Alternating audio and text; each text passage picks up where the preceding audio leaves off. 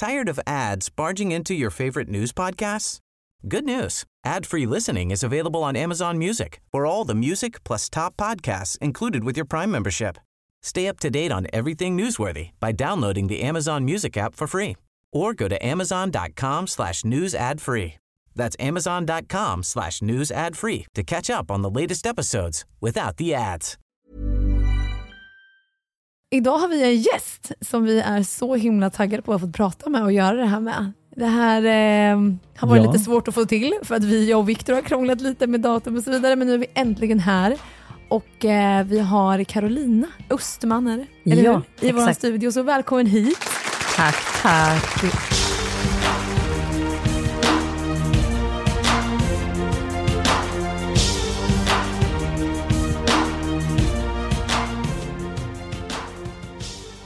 Varm, Kul att du är här. Ja, jag har skickat en, en varm, ett varmt tack till er för att jag får vara här och prata om det som jag älskar att prata om. Tack för att du vill vara här Ja. och prata om det du älskar om och jag tror att vi kommer älska det lika mycket.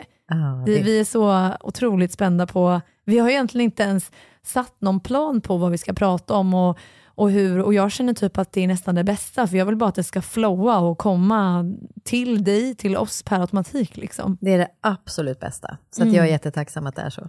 Men vad bra. Men vi kan väl Ja. börja så här. eh, vem är du? Om du skulle introducera dig själv för de som lyssnar. Ja, jag skulle säga så här att jag eh, jobbar som relationscoach, men jag jobbar som en andlig relationscoach, spirituell, ehm, intuitiv relationscoach skulle jag vilja säga. Så att ehm, jag hjälper människor att hitta tillbaks till, sina, till relationen till sig själv, men också att hjälpa dem igenom det trassliga som är relationer. För det är trassligt. Jag säger trassligt, ja precis. Mm. Sen dessutom, jag har en medial gåva sen eh, barnsben. Och jag gillar egentligen inte att säga så, för alla vi kan. Det beror bara på hur öppet det har varit från barndomen skulle jag säga. För allt det där hänger ihop och, och tra- jobba med trauma och så. Så att egentligen är det svårt att sätta en etikett, för jag jobbar så himla brett. Ja. Ett samtal med mig är verkligen så här, eller en session med mig, det kan bli hur som helst. Verkligen, för att jag går bara på Spännande. intuitionen. Ja. Så får det leda mig dit det ska. Men jag jobbar också med shamanistiska ceremonier. Och sådär. Men, så det är en salig blandning. Men intuitiv, ja, att ni har en medial gåva så ni kan känna, eh, ni är ju väldigt inkännande på människor, känner jag. Ni kan direkt känna hur människor mår, stämningar i rum och så vidare. Mm. Gud vad Alltså typ högkänslig, medial. High sensitive Exakt, person. exakt. Men det där har vi sagt alltså, så mycket Viktor, både du och jag, med så energier och så som vi sa när Anders var här också, att eh, kom den här gången jag mådde så dåligt och, Mm. du kände, och då började du må dåligt för att jag mådde dåligt. Och, Mm. och vi har sagt det ganska mycket, alltså, tänk, så här, att vi ändå känner sånt där, men sen så kanske man bara får för sig det också, att men gud jag känner det där. Eller jag, Mm. Men jag tror att det kan nog kanske vara så också lite grann. Ja, men det är så mer.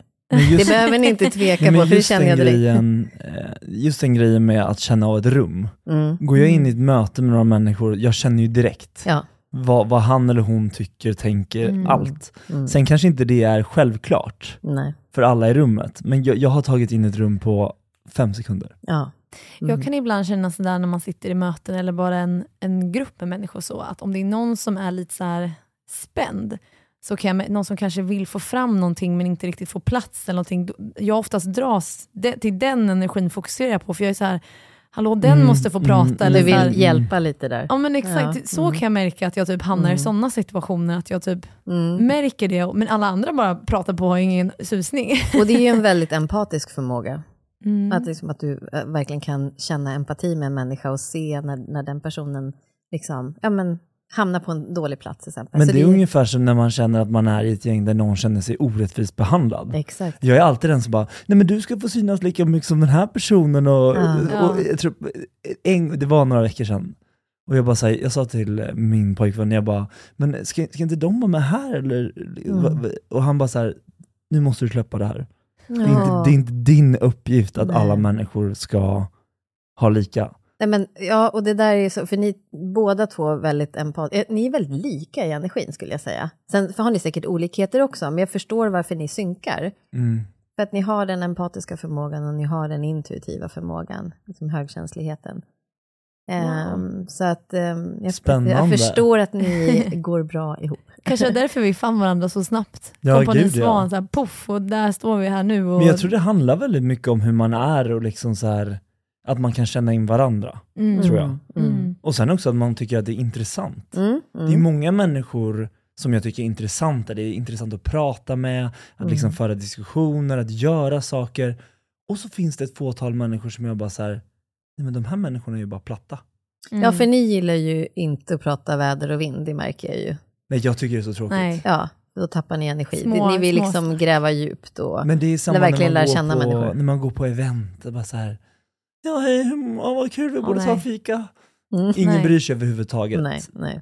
Och, och Men- det är just det som är grejen, att man vill ha något djupare. Mm. Och Jag tror därför också, ju äldre jag har blivit, nu kan jag bara prata för mig själv, men du kanske känner igen det Victor, ju äldre jag har blivit så har jag liksom känt att jag hellre avstår från typ sociala sammanhang och så vidare, för att det är inte värt någonting för mig. Alltså Exakt. det, jag får inget i utbyte och när folk sitter och typ så här småsnackar här och där, jag orkar inte lyssna. Det går Nej. in och ut. Typ. Jag är Ja. så här, det jag, och det kanske är otrevligt, man försöker stå där och mja, mja, man- för man har ju social kompetens, men Mm. det är ju inte speciellt givande eller det man vill kanske lägga sin energi på. Nej. Och det är så, då ska ni ju vara där när ni mår som bäst. Och det är i sånt här tillfälle. Eller är såna här platser som vi är just nu. Det är Absolut. därför det är så härligt att ni driver den här podden, tycker jag. För att ni gör ett jättefint jobb med att nå ut. Tack, Tack snälla. vad fint. Mm.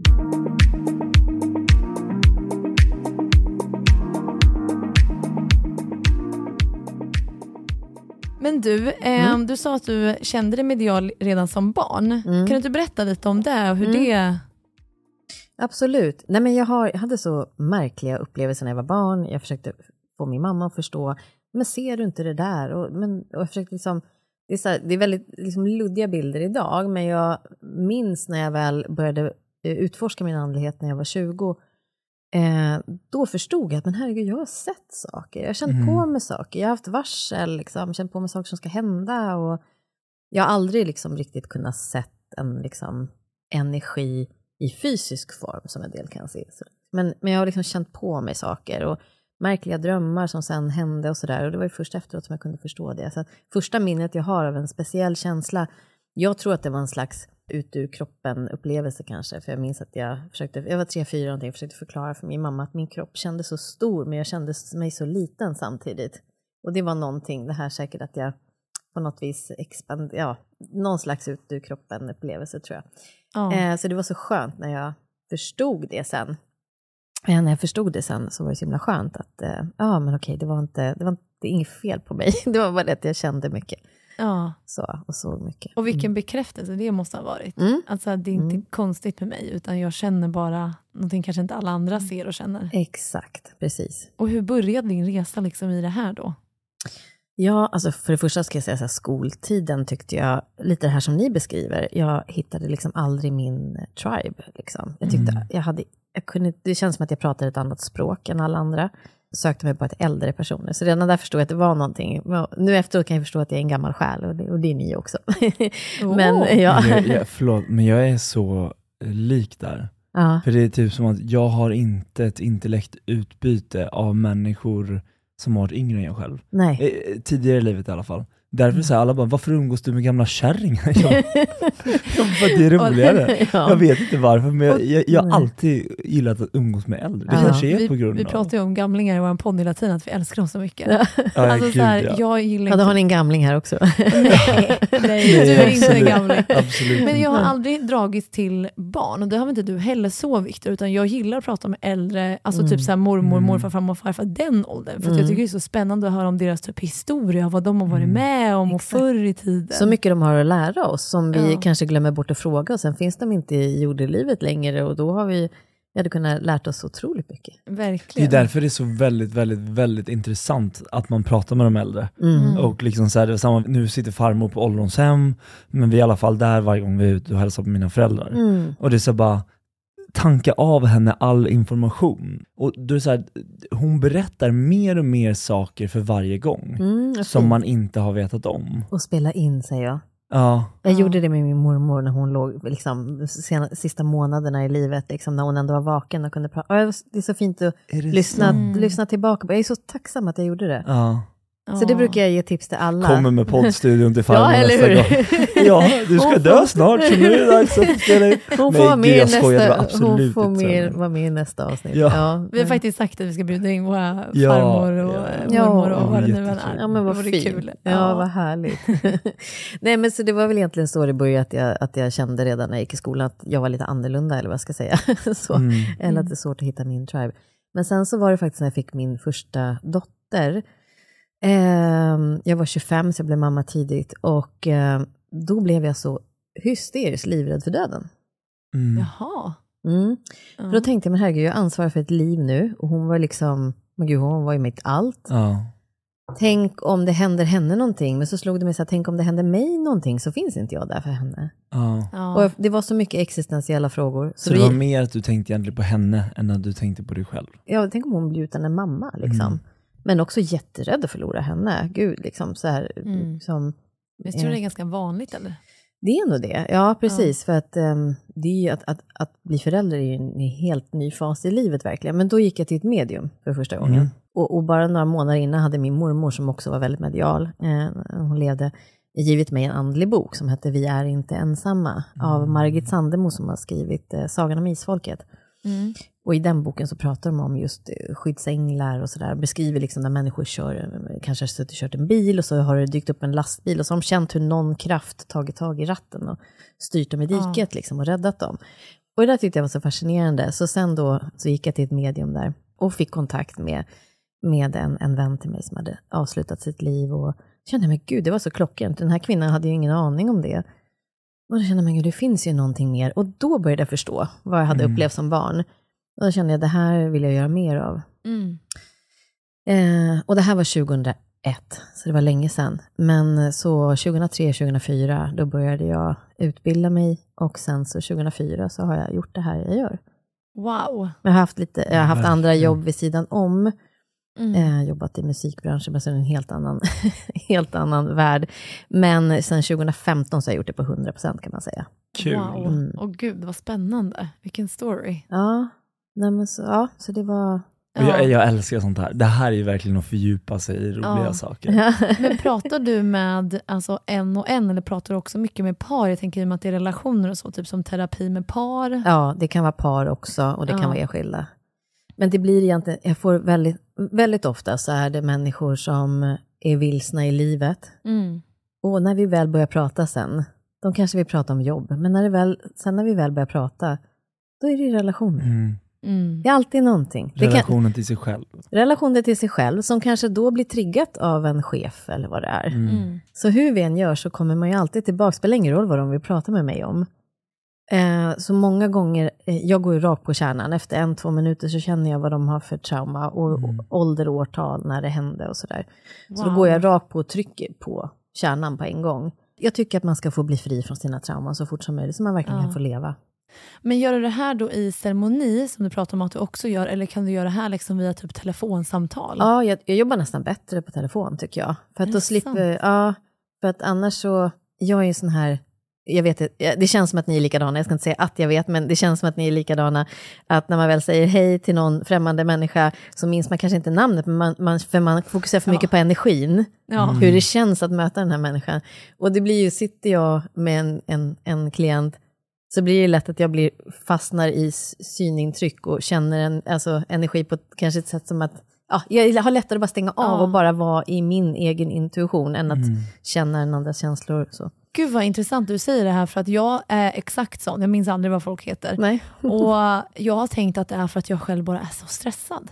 Att jag är så typ upp i det blå och stressad och inte med. Att jag typ såhär, ADHD, du vet man är överallt och man fått höra liksom, att man är liksom så jobbig och komplicerad. Så jag har tänkt liksom att jag bara är, knäpp, typ. att det är därför jag aldrig minns den jag pratar med. Och bara, vad var så här liksom? Att jag inte är med typ. Jag skulle säga att det är känsligheten. Jag brukar säga ADHD är lika med HSP, highly sensitive person. Okej, Ja.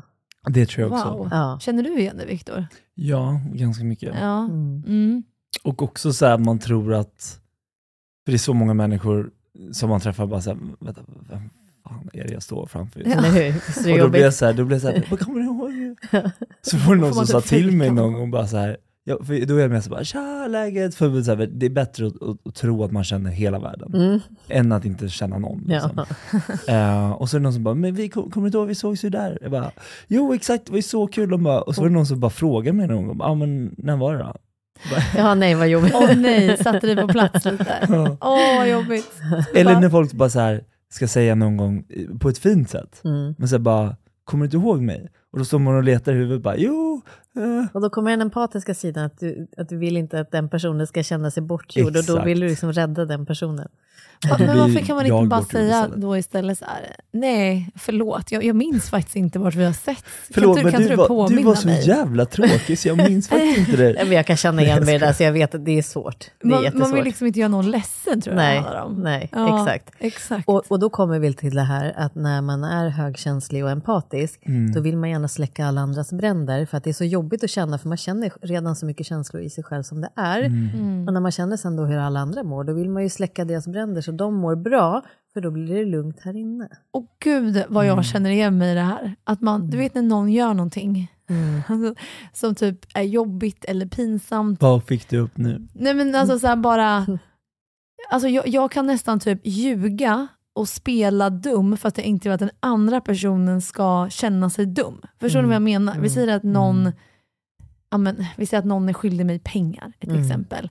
Och de typ, och jag säger, ah, men vill du swisha för det här? Typ, och de ja, men, hittar på någon ursäkt och så vidare och jag vet att de kanske inte vill swisha eller vad det nu än är. Då, istället för att bara säga typ så här, är det något problem med alltså, har du inte pengarna? Eller så, du vet, så här, vara lite rakt på sak. Typ så här, vi kan, ja, då, då försöker, försöker jag typ hitta, ja men det kanske har hänt det här. Du vet, jag försöker liksom hjälpa Ja. personen ur den situation för att det inte ska bli stelt. Och det- Förstår du vad jag menar? Och jag brukar säga så här, ja jag förstår 100%, och då brukar jag säga så här, det handlar inte om att man inte bryr sig om den personen, men först och främst så vill man rädda sig själv från den jättejobbiga känslan man känner, för att man Ja, kan det känna det. deras känsla. Nummer två vill man hjälpa den andra personen. Ja. Så så brukar jag säga med, eh, generellt också med medberoende, om Ja. man är medberoende till en person som inte mår bra. Ja. Först och främst vill man faktiskt rädda sig själv Ja. från att slippa känna. Exakt, det är därför man också vill hjälpa den andra då. För då Mm. hjälper man, om den är hjälpt För då blir det hjälper- lugnt inom en själv. Ja, Mm. och gud vad sant. Ja, det här är ju jättesant. Gud vad spännande. Ja, Mm. verkligen. Mm. Så att någon som är medberoende känner alltså, man, man vill först ta bort känslan från sig själv Mm. för att sen hjälpa den andra personen. Ja. Men att vara medberoende, det är, det är väldigt svårt att bryta sig loss från det. Mm. Men, men det var precis det jag skulle säga, men man hjälper ju också sig själv automatiskt om man hjälper den andra först. Mm. För så kan jag ha känt i en tidigare relation jag har varit i, att den personen hade lite strul och jag liksom brydde mig inte om mig själv eller hur jag mådde. Utan jag var så här, så länge han mår bra och liksom, så länge jag hjälper honom att lösa det här så kommer det bli bra. Jag skiter i hur jag mår så länge han Mm. må, alltså, löser det här. Men det var ju skönare för dig om det blev lugnt där. Då Ja. slapp du känna stormen. Så du kanske inte tänkte automatiskt att du skulle rädda dig själv, för det tror inte jag vi gör när vi är medberoende. Nej. Då tänker vi inte så här, nu måste jag fixa den här personen så att jag mår bättre. Utan det är bara en känsla att shit, jag, orkar, jag pallar inte det här. Okej, kan du bara må bra nu? Nu fixar jag här. Bara Mm. se till att du mår bra. För att då blir det lugnt. Hos en själv, ja. Gud, nu ryser jag.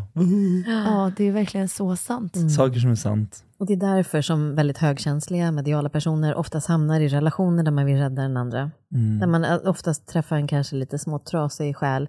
Eller trasig, jag Vadå, gillar, vad jag gillar inte det. Jag Som gillar om man inte, inte har gjort det. ja, men jag gillar inte det ordet, jag ska ta, ta bort det ordet. Du kan En- ta men om en- det om du vill. Du kan bara ta Ja, om det. Ja, det är lugnt. Eh, nej men en, en själ som, en, en person som kanske har väldigt mycket trauma. Ehm, Mm.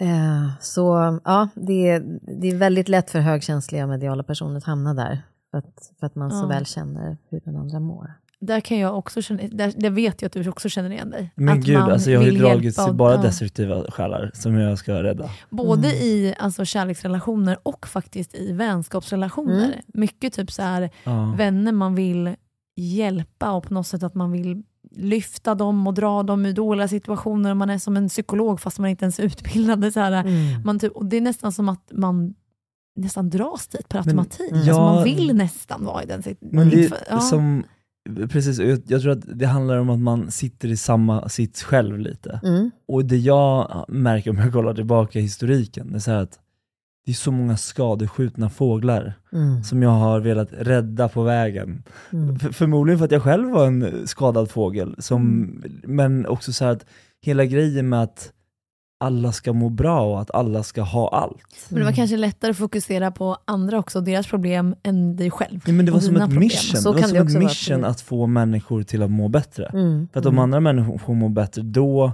belöningssystemet hos mig Exakt. kickade igång på Mm. något sätt, Mm. Mm. Exakt. tror jag. Och många gånger kan det vara en flykt också. Så att det kan vara en salig blandning av olika saker. Ja. Att man inte orkar titta på sig själv också. Och då är det mycket lättare att fokusera på det. Säkert. För att relationer speglar ju också. Vi har ju 100% en spegel i alla möten med alla människor.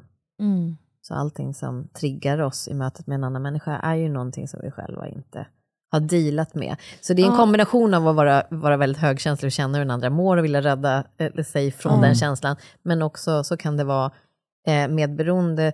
Det, man säger så att det är ju egentligen också, det blir ett beroende och det blir en flykt också, precis som en beroende personlighet har också. Mm. Så att, Men kan du inte berätta där om just den här spegeln, Mm. att det speg, alltså du, i dina relationer så speglas dina trauman och där du Mm. går igenom i dina relationer. För att det här har jag läst ganska mycket om på typ så här, ja, men Instagram. mm. Och jag tror inte att så många förstår det här och jag själv också ibland att förstå liksom hela grunden till just den, alltså det tankesättet. Men det stämmer Mm. ju verkligen. När jag väl har liksom typ fått in det lite i huvudet så är det så här, wow vad det här är typ accurate. Kan inte Mm. du bara förklara den biten lite? Absolut.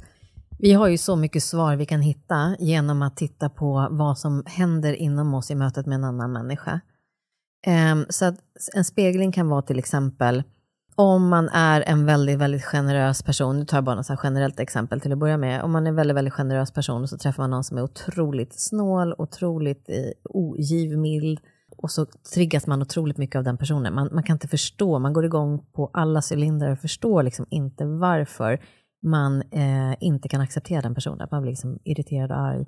Då är det någonstans för att man själv är så otroligt generös att det ligger som en skuggsida, att man inte då kan vara snål själv till exempel. Sen ska man inte sträva efter att vara snål, men det var, bara, det var ett exempel. Mm. Men det som man också skulle kunna säga är att ehm, om man i en kärleksrelation känner så här, ja, han, han ser inte mig, han, han bryr sig inte om mig, han, han älskar nog inte mig. Mm. Det vi pratar om är typ 100% alltid oss själva.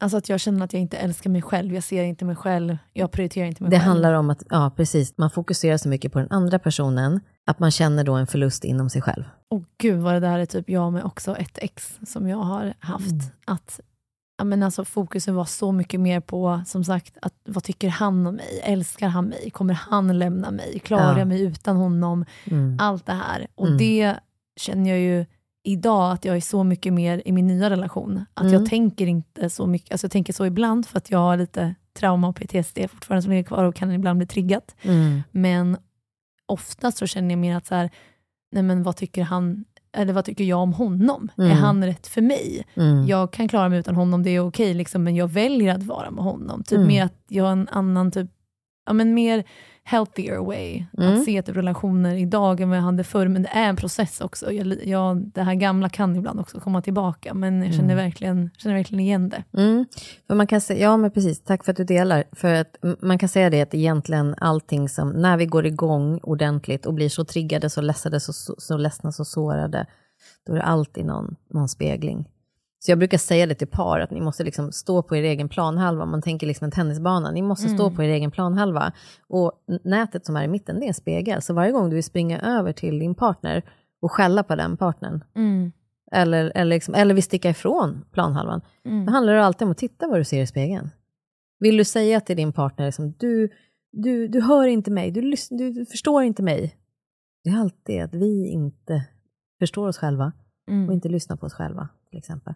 Så att alltid använda oss av speglingar först och främst. Och det handlar inte om att slå på oss själva, utan det är bara så här, vi skulle kunna lösa så mycket relationsproblem Mm. med personer i vår närhet, riktigt nära relationer, om vi använder oss av det där. Gud, det där är så bra tips det här med just att ha den här spegeln emellan. Och det kan man ha oavsett om det är en partner eller en vän, förälder. Alla nära relationer skulle jag säga, för det är oftast de närmsta relationerna som triggar. Ja. Mm. Men det kan ju också vara att man kommer till jobbet till exempel och, och så tycker man så här, gud vad den här kollegan är sur. Men jättesur. Men vad har jag gjort? Och så bara tänker så här, men vad kom jag in med för energi? Mm. Mm. Det kanske faktiskt var så att jag utstrålade någon så här taggig energi och så fick Gud, jag den ja. responsen till exempel tillbaka Mm. och sådär. Mm, verkligen. Mm.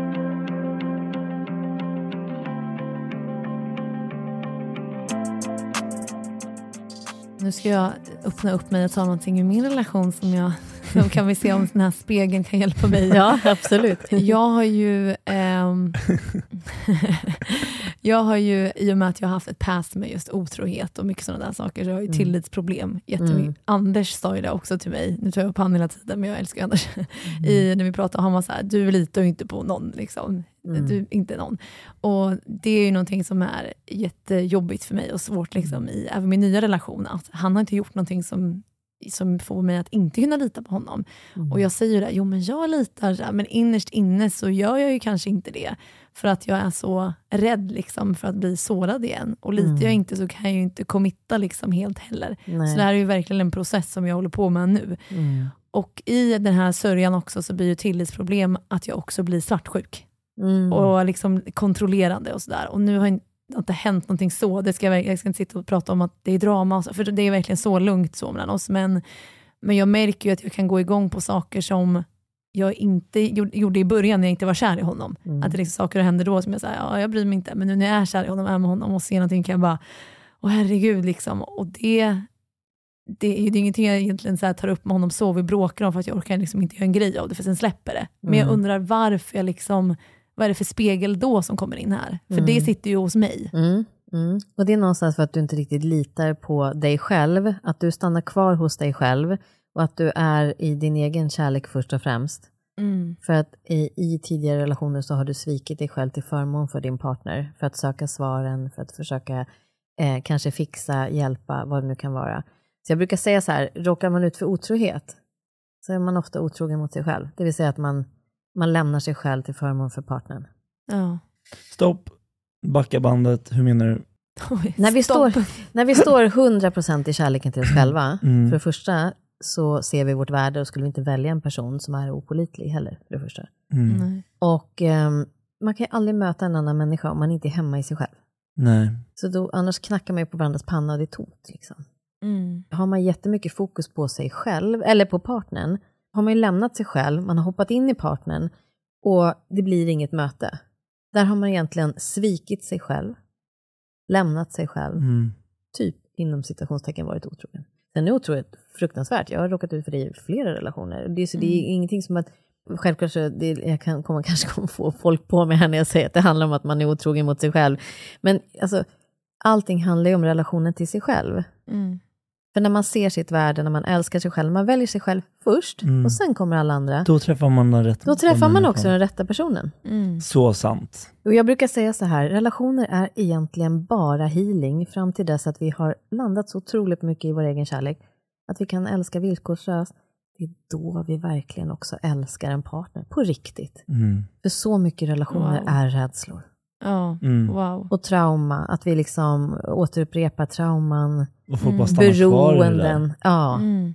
ja, exakt. För under, under liksom ordet rädsla, det, blir liksom, det är som ett paraply, för under det så kan man ju ha beroende, alltså det finns ju så mycket, man, man kan vara så otroligt övergivenhet så, det finns ju så mycket Mm. där under liksom Mm. ordet rädsla. Och gud, jag känner att jag behöver en egen session här och prata om det här, gå igenom allt det här. Jag är så här, mitt paraply, allt här under, vad behöver jag göra? Jossan har två timmar med dig själv. ja men absolut, det är helt okej. Nej men jag skulle säga det, så att det är det som Mm. händer här, att um, någonstans så eh, har du tappat dig själv i tidigare relationer, Mm. så att du är rädd för att det ska hända igen. För Mm. den största smärtan, den djupaste, egentligen, om vi är 100% i vårt eget hjärta och själ, då är vi inte ett dugg rädda att förlora någon annan människa. Vi är inte ett dugg rädda för att bli svikna, för vi vet att vi har allt. Mm. Mm. Sen handlar inte det om att man inte ska ha relationer, för det är klart vi ska ha det, det är superhärligt. Mm. Men vi skulle aldrig vara rädda att förlora någon annan när vi har oss själva 100%. Gud, jag blir typ tårögd. Ja, fina. Mm. Ja. Så att det handlar så mycket om relationen till sig själv. Ingen fara. Fina du. Det är fint att du vågar dela. Ja, men verkligen. Tack för din sårbarhet. Sårbarhet är vackert. Mm. Usch, jag hatar att gråta inför människor. Det är bara oss du gråter inför, det fara. Och vet du vad det är? Vill bara oss, alla, alla som lyssnar på det här också. Vet du vad? Sårbarhet och att våga visa sårbarhet, det är bland det starkaste vi kan göra. Och det är det jag verkligen också typ tränar på, för att jag har varit jättedålig på att visa det. Mm. Vill du ha papper? Nej, det är ingen fara. Jag varit så dålig på att visa typ, eh, sårbarhet för att jag har sett det som en svaghet Mm. innan. Och typ så här, jag vill inte gråta inför folk, jag vill inte vara den här som känner mycket inför folk, jag vill liksom kontrollera Mm. mig. och vara den starka. Liksom. Så jag försöker verkligen träna på att också känna inför folk och Mm. verkligen dela med mig. Men jag tycker det är jobbigt att du säger att så här, man, man tappar sig själv och sviker sig själv. För att det var just det jag gjorde i, min, i en gammal relation så. Mm. Och skadade mig själv. Liksom. Och jag vill Mm. liksom inte hamna, alltså jag vill inte må så igen och hamna där. Nej. Och jag blir typ rädd då att så här, tänk om någonting skulle hända i den här relationen som gör att jag börjar hata mig själv igen. Eller börjar Mm. tvivla på mig själv. Mm. Eller så här. Gud vad djupt det blir. Nej, Oh. men, nej men tack för att du delar. Åh. Och det är ju precis det här som händer. För att om du svek dig själv i en tidigare relation, då söker du nu, nu när du har fått känslor, för det är precis som du säger. I Mm. början då visar man hela sitt jag, man bryr sig inte så mycket för man kanske inte är så kär. Nej. Sen, det är därför det händer någonting, efter några dejter eller efter någon månad eller beroende hur fort man går fram, så händer ju någonting. Det är Ja. alltid lite knas Ja. eh, Ja. på ett sätt, för att då börjar man få känslor och då blir man sårbar. Mm. Men det som händer nu när du liksom får känslor, då, då, då drar det igång ett mönster i dig, eller en känsla i dig som du har känt förut. När jag kände så här sist, då hände det saker Mm. och då tappade jag mig själv. Och det är, inte, det är inte så att du kanske tänker de orden, men det blir en påminnelse. Så då börjar du automatiskt att vilja vara steget före, Mm. så då hoppar du in i din partners energi för att kolla, hittar du några signaler på att det kan vara samma sak som din tidigare relation? Mm. Och det är där separationen sker i dig själv. Och det är den jobbigaste separationen. Den gör så ont Mm. när, vi separar, när vi tappar vår själ. Alltså verkligen. Och det är nästan som att man blir en detektiv typ i hans hjärna. Förstår du? Ja. Man vill nästan så här, jag vill typ hoppa in i hans hjärna och kolla hur han tänker med saker och ting. Ja. Och typ så här, inte för, det kan jag ju inte göra, så jag kan ju inte kontrollera det. Man får, ju bara, alltså man får ju bara kasta sig ut och lita på det, men det är där jag har så svårt för att göra. Mm. För att gör jag det så finns ju också risken att samma sak händer. Mm. Så då står man typ, som jag sagt innan i, i ett poddavsnitt, att man istället för typ kliva på bussen och bara det kan bli jättebra men kan också bli pannkaka. Så står jag då hellre utanför och låter bussen åka iväg ändå. Och det gör ju mig fortfarande ledsen. Så jag är, ju- Mm. oavsett vad jag gör så finns ju risken, jag blir ju ledsen när jag står kvar, men jag kan bli ledsen om jag hoppar på också. Men jag kan också bli glad om jag hoppar på. Exakt. Men jag vet inte vad, jag vet inte om jag vågar hoppa på. Exakt. Och sen tror vi ofta att livet går under om vi förlorar en relation. Men det går egentligen bara under när vi tappar oss själva. Och, och egentligen så kanske det är så att har man varit med om många separationer, då kanske det är till och med just att vara själv efter en separation som är det man är bäst på. Ja. Att man kanske egentligen inte alls är så trasig egentligen, för man kanske egentligen är väldigt, väldigt stark då. Ibland Alltså, ja. kan man vara rädd för sin egen kraft. Att man kan vara det, så ja. kraftfull Mm. och att man är liksom Mm. då är, är, är, är rädd för att känna den, det oberoendet som man kan hamna i. Alltså det är så intressant för jag har faktiskt fa- sagt det till eh, min nuvarande kille också. Jag bara, alltså, jag är så himla, alltså, jag är en, en otrolig singel.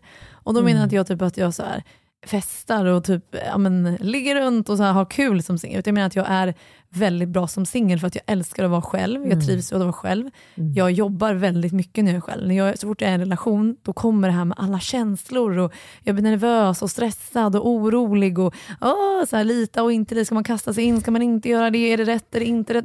Allt det här kommer och liksom, jag Mm. tappar fokus på att typ, ta hand om mig. Mm. Och jag får så mycket gjort. Och jag sa någon gång i, i en annan podd också att så här, jag älskar breakups. Alltså även fast det gör så ont och det är liksom helt fruktansvärt så älskar jag det för att man får en sån nytändning där. Och man är Mm. så här, nu är det liksom bara att kötta på här, jag tar hand om mig själv så bra, jag liksom Mm. bara kör i 190. Så jag, det är så sjukt att du säger det, för det är verkligen så jag har känt. Ja, vad fint att du delar. Och just det här med, med breakups, precis som du säger. För då vet man också. Då vet man att så här blev det. Jag tror, Inga att o- frågetecken. Liksom. jag tror liksom att ovissheten fram till dess är den värsta. Speciellt om man är en person som är väldigt känslig och har lätt för att vara i framtiden och oroa sig. Men när, ett, när det väl är slut, då vet man ju. Då Och då kan man ju slappna av lite. Ofta så är det så. Men vi ska ju, konsten är att kunna slappna av även i relationen, Mm. såklart. Men det är ju en resa. Alltså vi Ja. människor, jag har inte träffat på en enda hel människa som inte bär något trauma eller någonting. Så. Vi, Nej. återupp, vi, vi återupplever ju våra trauman i varje relation som vi har med oss från barnsben. Men det här var så intressant för vi satt på en middag hemma hos mina föräldrar. Så, så satt vi bara och pratade och så var det någon som bara, det var någon där som bara, nämn två personer som är helt lyckliga i de de är idag. Så började jag bara så här, skulle börja nämna upp, jag bara, nej, Nej. Nej. Nej men ingen. Alla Exakt. har ju sina bagage, Alla. trauman. Ja. Så, så det, det finns liksom inte en enda människa som jag känner som är helt lycklig. Jo Nej. men min mormor är nog ganska. Ja. Så hon går upp på morgonen, bäddar sängen, är lycklig. Alltså så här, Mm. och hon har levt som städerska hela livet eh, på, på, här, på ett helt annat sätt. Hon kanske släpper hon också för att hon är, är äldre lycklig. nu. Ja, för hon kanske också liksom kapitulerar lite grann också. Att, ja, Ja. det var så här livet blev. För när vi landar i acceptans, Ja. då mår vi ju bra. Mm. Acceptans släpper oss ju fria. Typ som att vi, vi lever i tron på att det ska bli så på ett visst sätt. Ja, vi människor strävar ju alltid efter någonting Ja. bättre hela tiden. Och sen när vi accepterar att nu blev det så här, Mm. då, då är det okej. liksom. Ja, Det är kanske därför allting handlar om Mm. att acceptera. Ja, exakt. Men det var det precis du sa med den här ovissheten, att när man vet och det är slut, då vet man. Det är typ lite skönt. Alltså så här, Mm. Under en period med då en tråkig relation när jag inte visste varken in eller ut, när jag liksom blev lite manipulerad och så här, inte riktigt visste. Den, perso- eller den perioden var den värsta av allt, alltså hela den här liksom, cirkusen. Mm. Att inte veta. När jag väl Mm. fick veta allting och hade liksom svart på vitt och så här. Liksom, Mm. det var så skönt att jag satt och skrattade. Alltså jag var i så chock, men jag satt typ och skrattade och jag var så här, Åh, nu kan jag andas ut. Nu, är liksom, nu vet jag vad jag ska göra. Nu är det hem, packa grejer, göra slut, sälja, lägga. Alltså ni fattar. Mm. Nu vet jag liksom vilken väg jag ska gå. Innan det så var man liksom ett frågetecken och det var fan det värsta. Alltså. Det kan vara otroligt jobbigt. Och det är därför som man så många gånger i en relation kan skapa fram, alltså trigga fram de här bråken och trigga fram att det nästan tar slut Mm. för att man vill äga kontrollen. För då, då har man själv kontroll på utgången om man drar igång massa drama. Nej men gud, det är därför man småbråkar alltså med, med sin partner, för att man vill Ja. kontrollera. För då tar du över kontrollen och makten och kraften. Nej men gud, gör du också det ibland Viktor? Snälla säg ja. jag, jag är inget helgon på något sätt. Kan du Eh. ibland börja bråka bara för att? Eller gör Andreas det? Ganska ofta tror jag.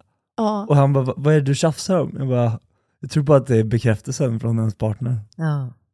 Så Exakt. det, men det är Och det som du, för speglingarna då, är det egentligen bekräftelse från dig själv som du behöver Ja, först och främst. exakt. Ja. Det är därför vi alltid ska titta först, varför, vad har jag för behov av att säga det här, eller vad är mitt motiv, eller vad är min agenda? När vi börjar fråga oss själva det innan vi agerar, innan vi skickar det arga smset, eller innan vi gör vad det nu kan vara.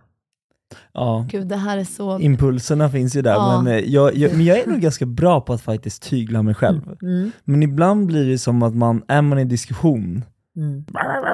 från varsitt håll, Mm. men ibland då smäller det liksom. Ja. Alltså vi smäller ju inte på Nej, jag varandra, fattar. men du Nej fattar. men gud, jag tror med att ni stod till Ja, varandra. Jag ja, bara, vad menar Nu du? jävlar. eh, nu ska han få. Ska. Ni liksom ligger och slåss och brottas. Nej men istället då har jag märkt att när man går åt varsitt håll, Mm. Mm. nu vad heter det, du, du är på din kammare, jag är på min kammare. Mm. Till slut efter två timmar så skriver man ett litet sms, förlåt för att Ja, jag exakt. agerade så här, eh, det som jag triggades av var det här, jag ber om Jättebra. ursäkt. Mm. Jättebra. Och därför måste man gå isär. Ibland säger jag bara så här, nu ska Mm. du inte prata med mig först du har ätit, jag Nej. går härifrån. Mm. Ja. Nu, det är inte maten bara som är ett problem, Nej. Nu hänger jag ut honom här. Hela min relation. Men det gjorde jag också precis. Alltså, verkligen.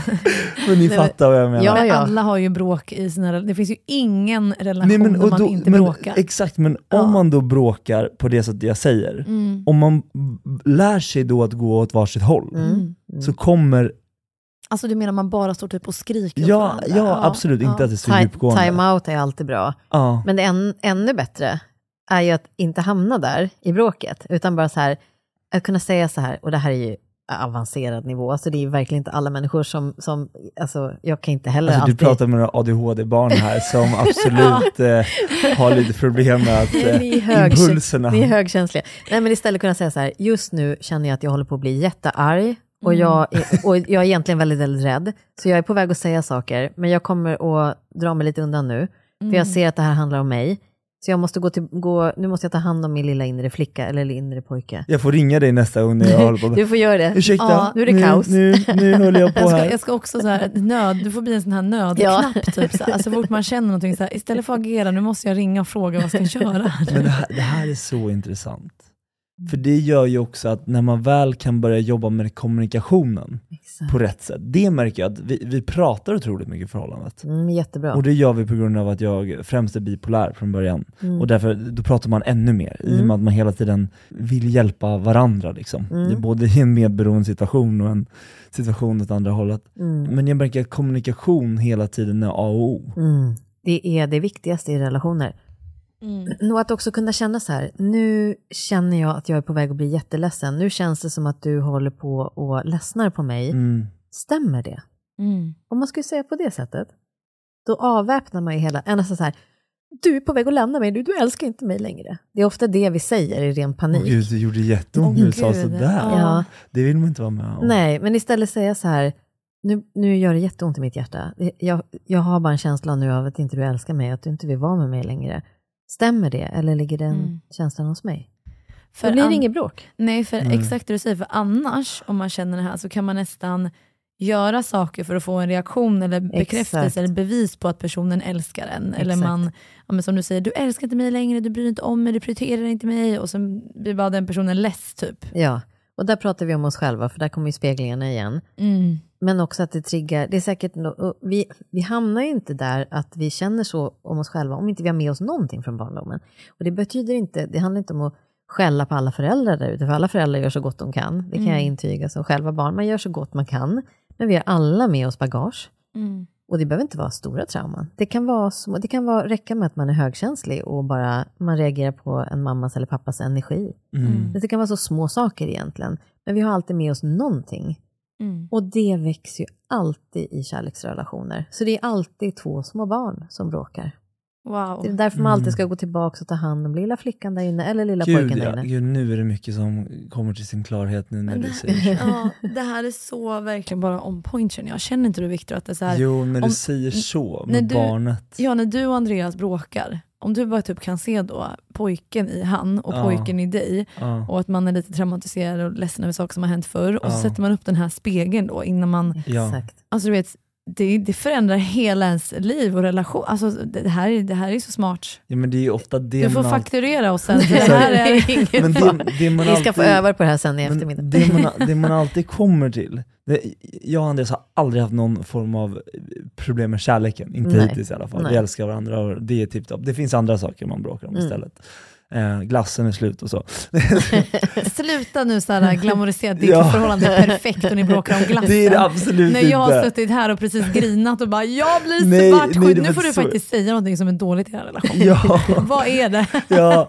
Nej, men, Nej, jag skojar. men det jag tänker då när man väl bråkar, Mm. Det är så här att, att jag säger på ett visst sätt, jag ser så tydligt det här för att när man väl senare på kvällen sen kommer till diskussion, när man börjar lugna ner sig, när man börjar så få eh, svart på vitt varför man agerar som man gjorde, vad som triggade vad, Mm. så är det typ som att det har alltid blivit så att jag ser barnet i honom. Ja, Alltså in, inte så, Mm. men inte så att jag har sett barnet, utan snarare så här att jag har, ser det han har tydligt berättat om förut, Mm. som triggar honom. Mm. Och, och då börjar jag säga bara, ah, det är det här jag triggar igång. Och han, samma sak där, triggar igång barnet i mig. Exakt. Men jag, har- jag har aldrig sett det på det sättet. Nej. Förlåt, nu sitter jag bara och återupprepar någonting. nej, men men, nej, men fint att du, att du delar, tack. Och, för det är det, det är, allt, det är därför det kan kännas som sandlådenivå när man bråkar i Ja, verkligen. För att det är de här små Mm. barnen, och man kanske har fastnat då i någon ålder. Man Mm. kanske har fastnat, det kanske hände någonting när man var fem till exempel. Då är det Mm. femåringen som står och bråkar.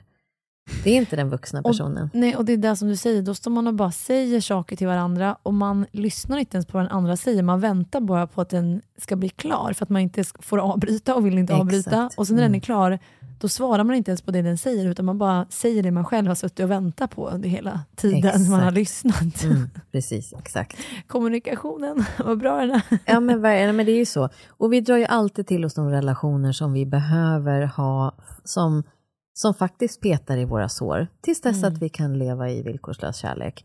Mm. Så vi drar ju alltid till oss partner som påminner om någon av våra föräldrar. Ibland kanske en partner som är både mamma och pappa. Mm. Eh, så. För att när någonting traumatiskt händer när vi är barn, Ja. då lämnar vi den platsen i oss själva. Vi vill inte vara i den platsen i oss själva. Och då blir det ju tomrum där. Och, Men det här tomrummet skriker efter att hitta, det är som en magnet till liknande energier. Som bara, där kan jag bli triggad i samma sår. Och så möter vi, och det är därför vi återupprepar också mönster om vi inte dealar med det i den första relationen som vi blir speglade i. Vänta, så du menar att man, man söker sig till alltså, liknande traumatiska händelser man var med Ja. om som barn? Och visst är det konstigt att vi gör så. Ja, för det det, är, det, det, det, borde ju egentligen vara så att man inte vill Ja. gå till det. men om det är ett obearbetat sår, då vi strävar alltid efter att Då vill läka. man ha det. Jag brukar säga så här, alla är vi med om någon gång att vi lämnar vårt inre slott som barn. Jag brukar säga att när vi föds så är vi i vårt inre slott. Vi springer runt i alla hundra rummen och leker och är trygga. Sen helt, helt plötsligt en dag så händer någonting och då upptäcker vi att det inte är tryggt. Vi måste springa ut ur slottet och kolla vad det är som händer. Mm. Och från den dagen så kom vi på att det inte är tryggt att vara kvar inne i slottet, utan vi måste stå där utanför slottet med lite garden uppe och vara beredd på nästa grej. Där sker separationen. Det är där vi lämnar oss själva. Mm. Och det som då hände som gjorde så ont, som, som skrämde oss, det vill vi hela tiden då få möta igen för att vi ska kunna läka det och kunna kliva tillbaka in i vårt inre slott igen. Så egentligen, den, en bra relation är egentligen den man träffar som triggar såren man har, men som kan hjälpa en att komma, man kommer över det tillsammans. Ja, exakt. Eller hur? Och de som triggar våra sår som mest kallar vi oftast, ja ah, det var min stora kärlek. Mm. Kanske inte om det har varit destruktivt, men någon så här som man känner, känt så här intensiva känslor för. Mm. Jag klarar mig inte utan dig. Nej men det här... Ja, det sa man redan när man var 11. Ja, precis. Men då är det oftast jättemycket healing. Ja. Mm. Alltså, som jag sa där förut, att, att relationer är healing till dess att vi kan älska villkorslöst. Det är då vi verkligen älskar på riktigt.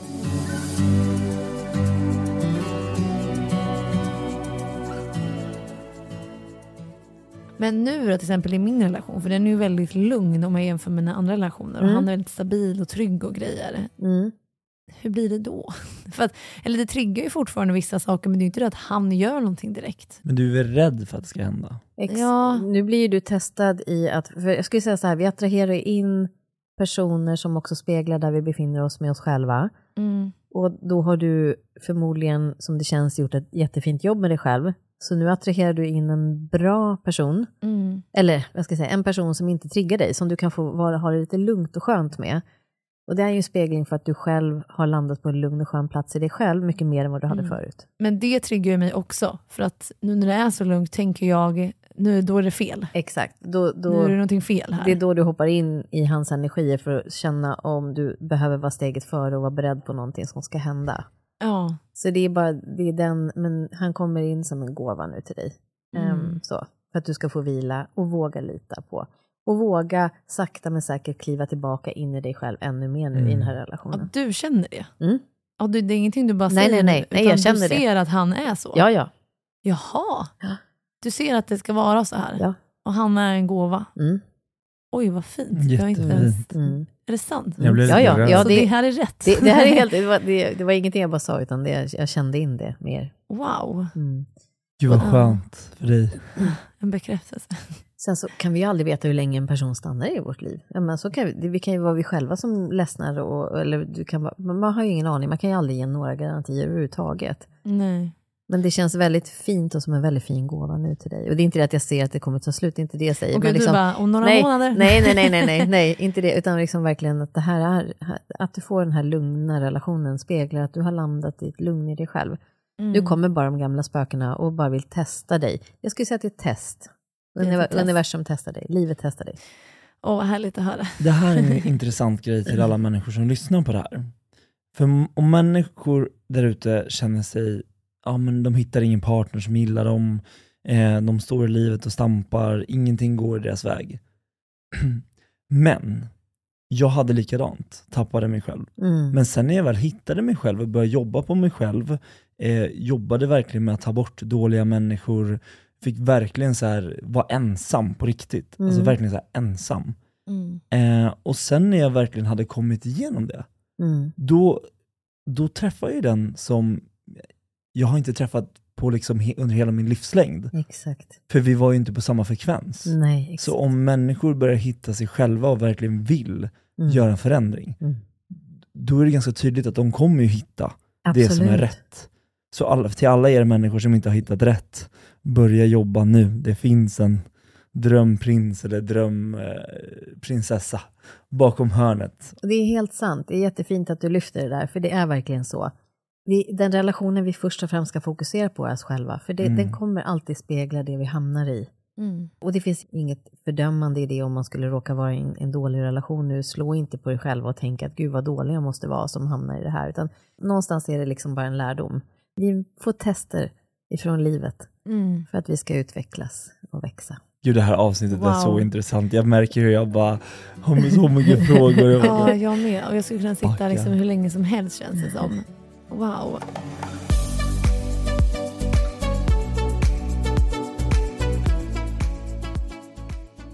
Jag tänkte på det, för vi återupprepar mycket med spegeln, Mm, som man säger. mm, Och sen även barnet mm, i oss själva när man bråkar med barnet bredvid. mm, Andreas kan ju ibland trigga, han ibland kan leta efter saker som triggar mig.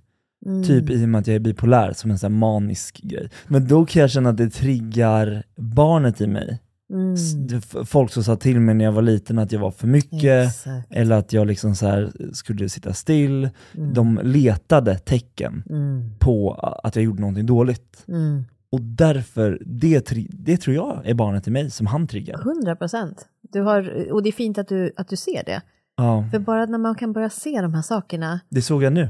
Ja men vad fint, vad fint, härligt jobbat. Det är då man också kan stoppa sig själv innan och man kan förstå, man kan säga så här, nu när du gör så här, det triggar väldigt mycket den lilla pojken i mig, Mm. för så där var jag med om när jag var barn. Jag skulle uppskatta om du kan försöka nå mig på ett annat sätt än på det där sättet. Gud ja. Mm. Och samma eh, för mig då också. Ja. Jag måste Mm. också ha respekt och förstå barnet. eh, Mm. Och jag önskar att jag var lite, alltså att jag kunde säga sådär, men ibland så är man så, åh, så irriterad och då blir man så här, sätter sig på tvären och man är så barnslig och, så här, och då, då kommer jag in i min omogna och bara, nej, jag tänker inte säga sådär. jag, jag kan ändå tänka mig att du blir lite omogen när du vill bli för arg. Ja men det blir jag. Och sen så som du säger då efter ett tag, när, man då, när det har gått några timmar, man bara, "Förl- då kommer det här förlåt-smset. Men det är jättebra att kunna säga förlåt. Så, så Mm. alltså, klappa, det sa ju du också Viktor, att, eh, liksom, att du kan skicka ett sms sen och förlåt, jag såg, se att det var det här som hände.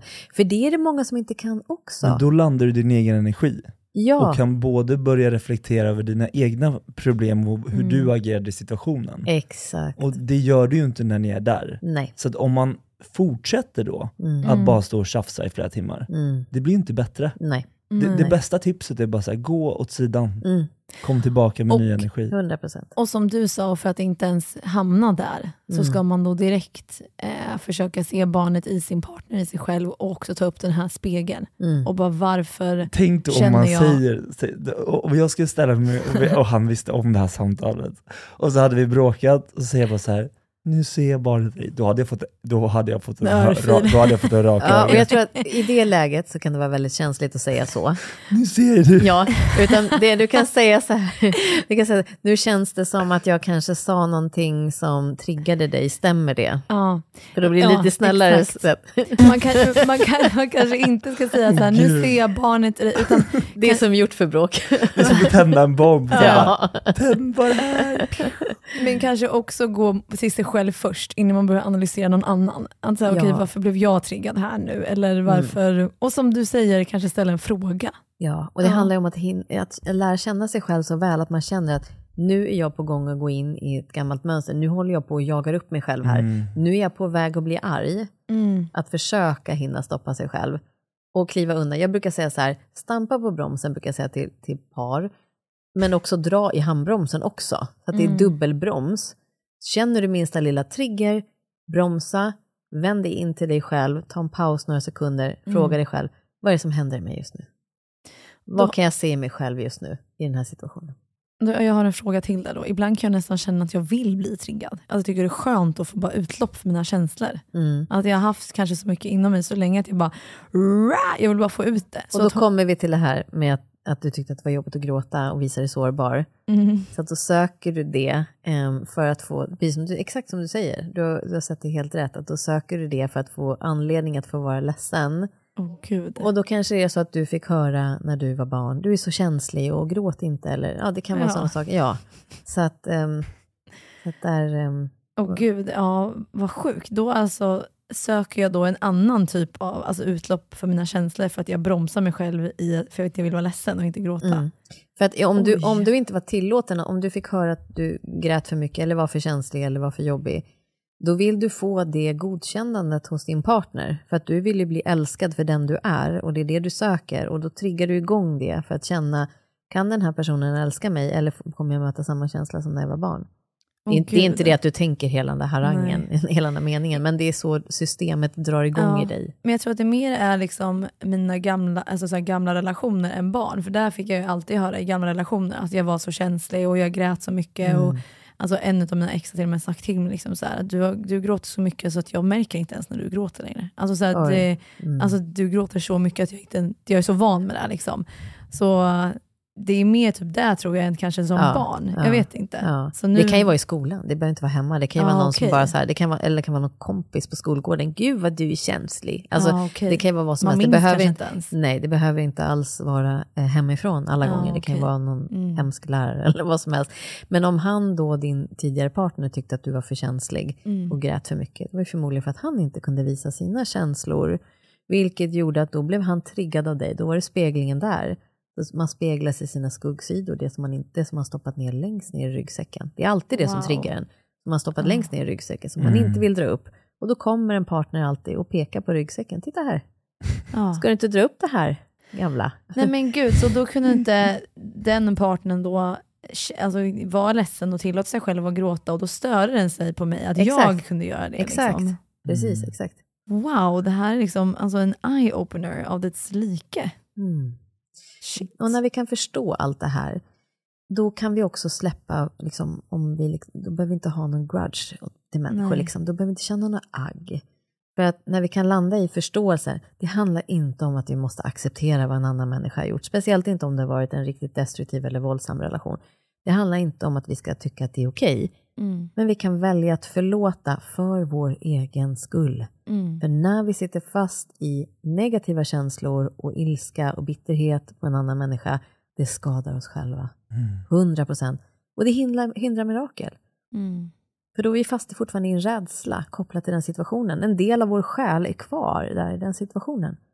Och då kan vi inte skapa mirakel här och nu, för att det är en själsdel som är kvar. Det är därför jag jobbar med energier också. Mm. Eh, inte bara liksom så här, utan också liksom hämta tillbaka energier på människor, men också ta bort energier som sitter i oss, som inte är oss själva, och vår egen. Det finns så, så mycket Mm. så här att man, vi, vi behöver landa i förlåtelse. Det är så viktigt. Jag är så glad att det här är inspelat. Jag kommer inte komma ihåg allt det här.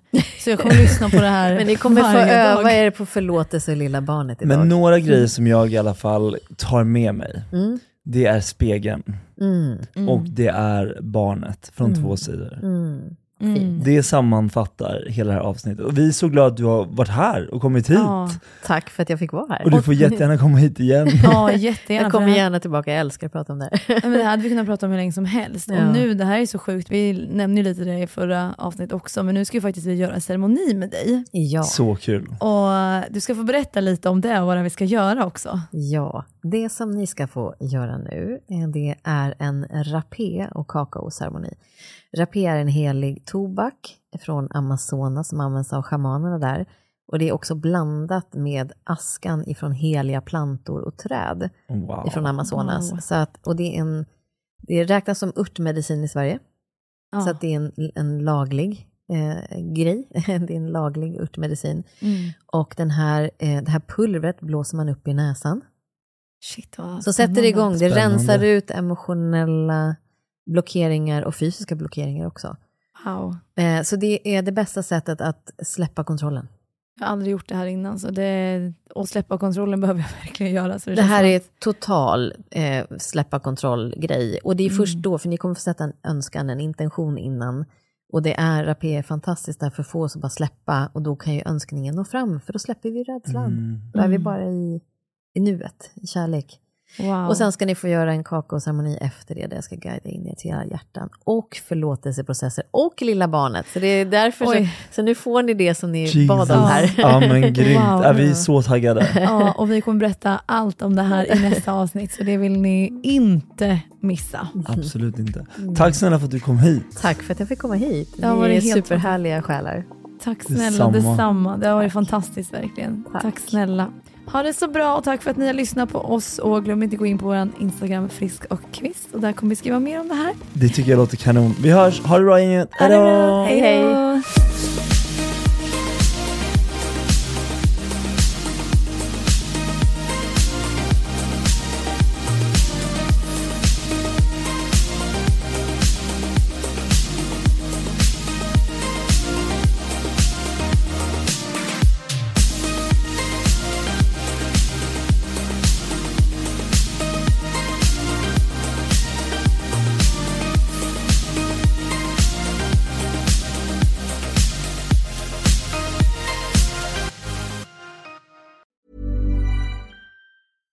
Tired of ads barging into your favorite news podcasts? Good news. Ad-free listening is available on Amazon Music for all the music plus top podcasts included with your Prime membership. Stay up to date on everything newsworthy by downloading the Amazon Music app for free or go to amazon.com slash news ad free. That's amazon.com slash news ad free to catch up on the latest episodes without the ads.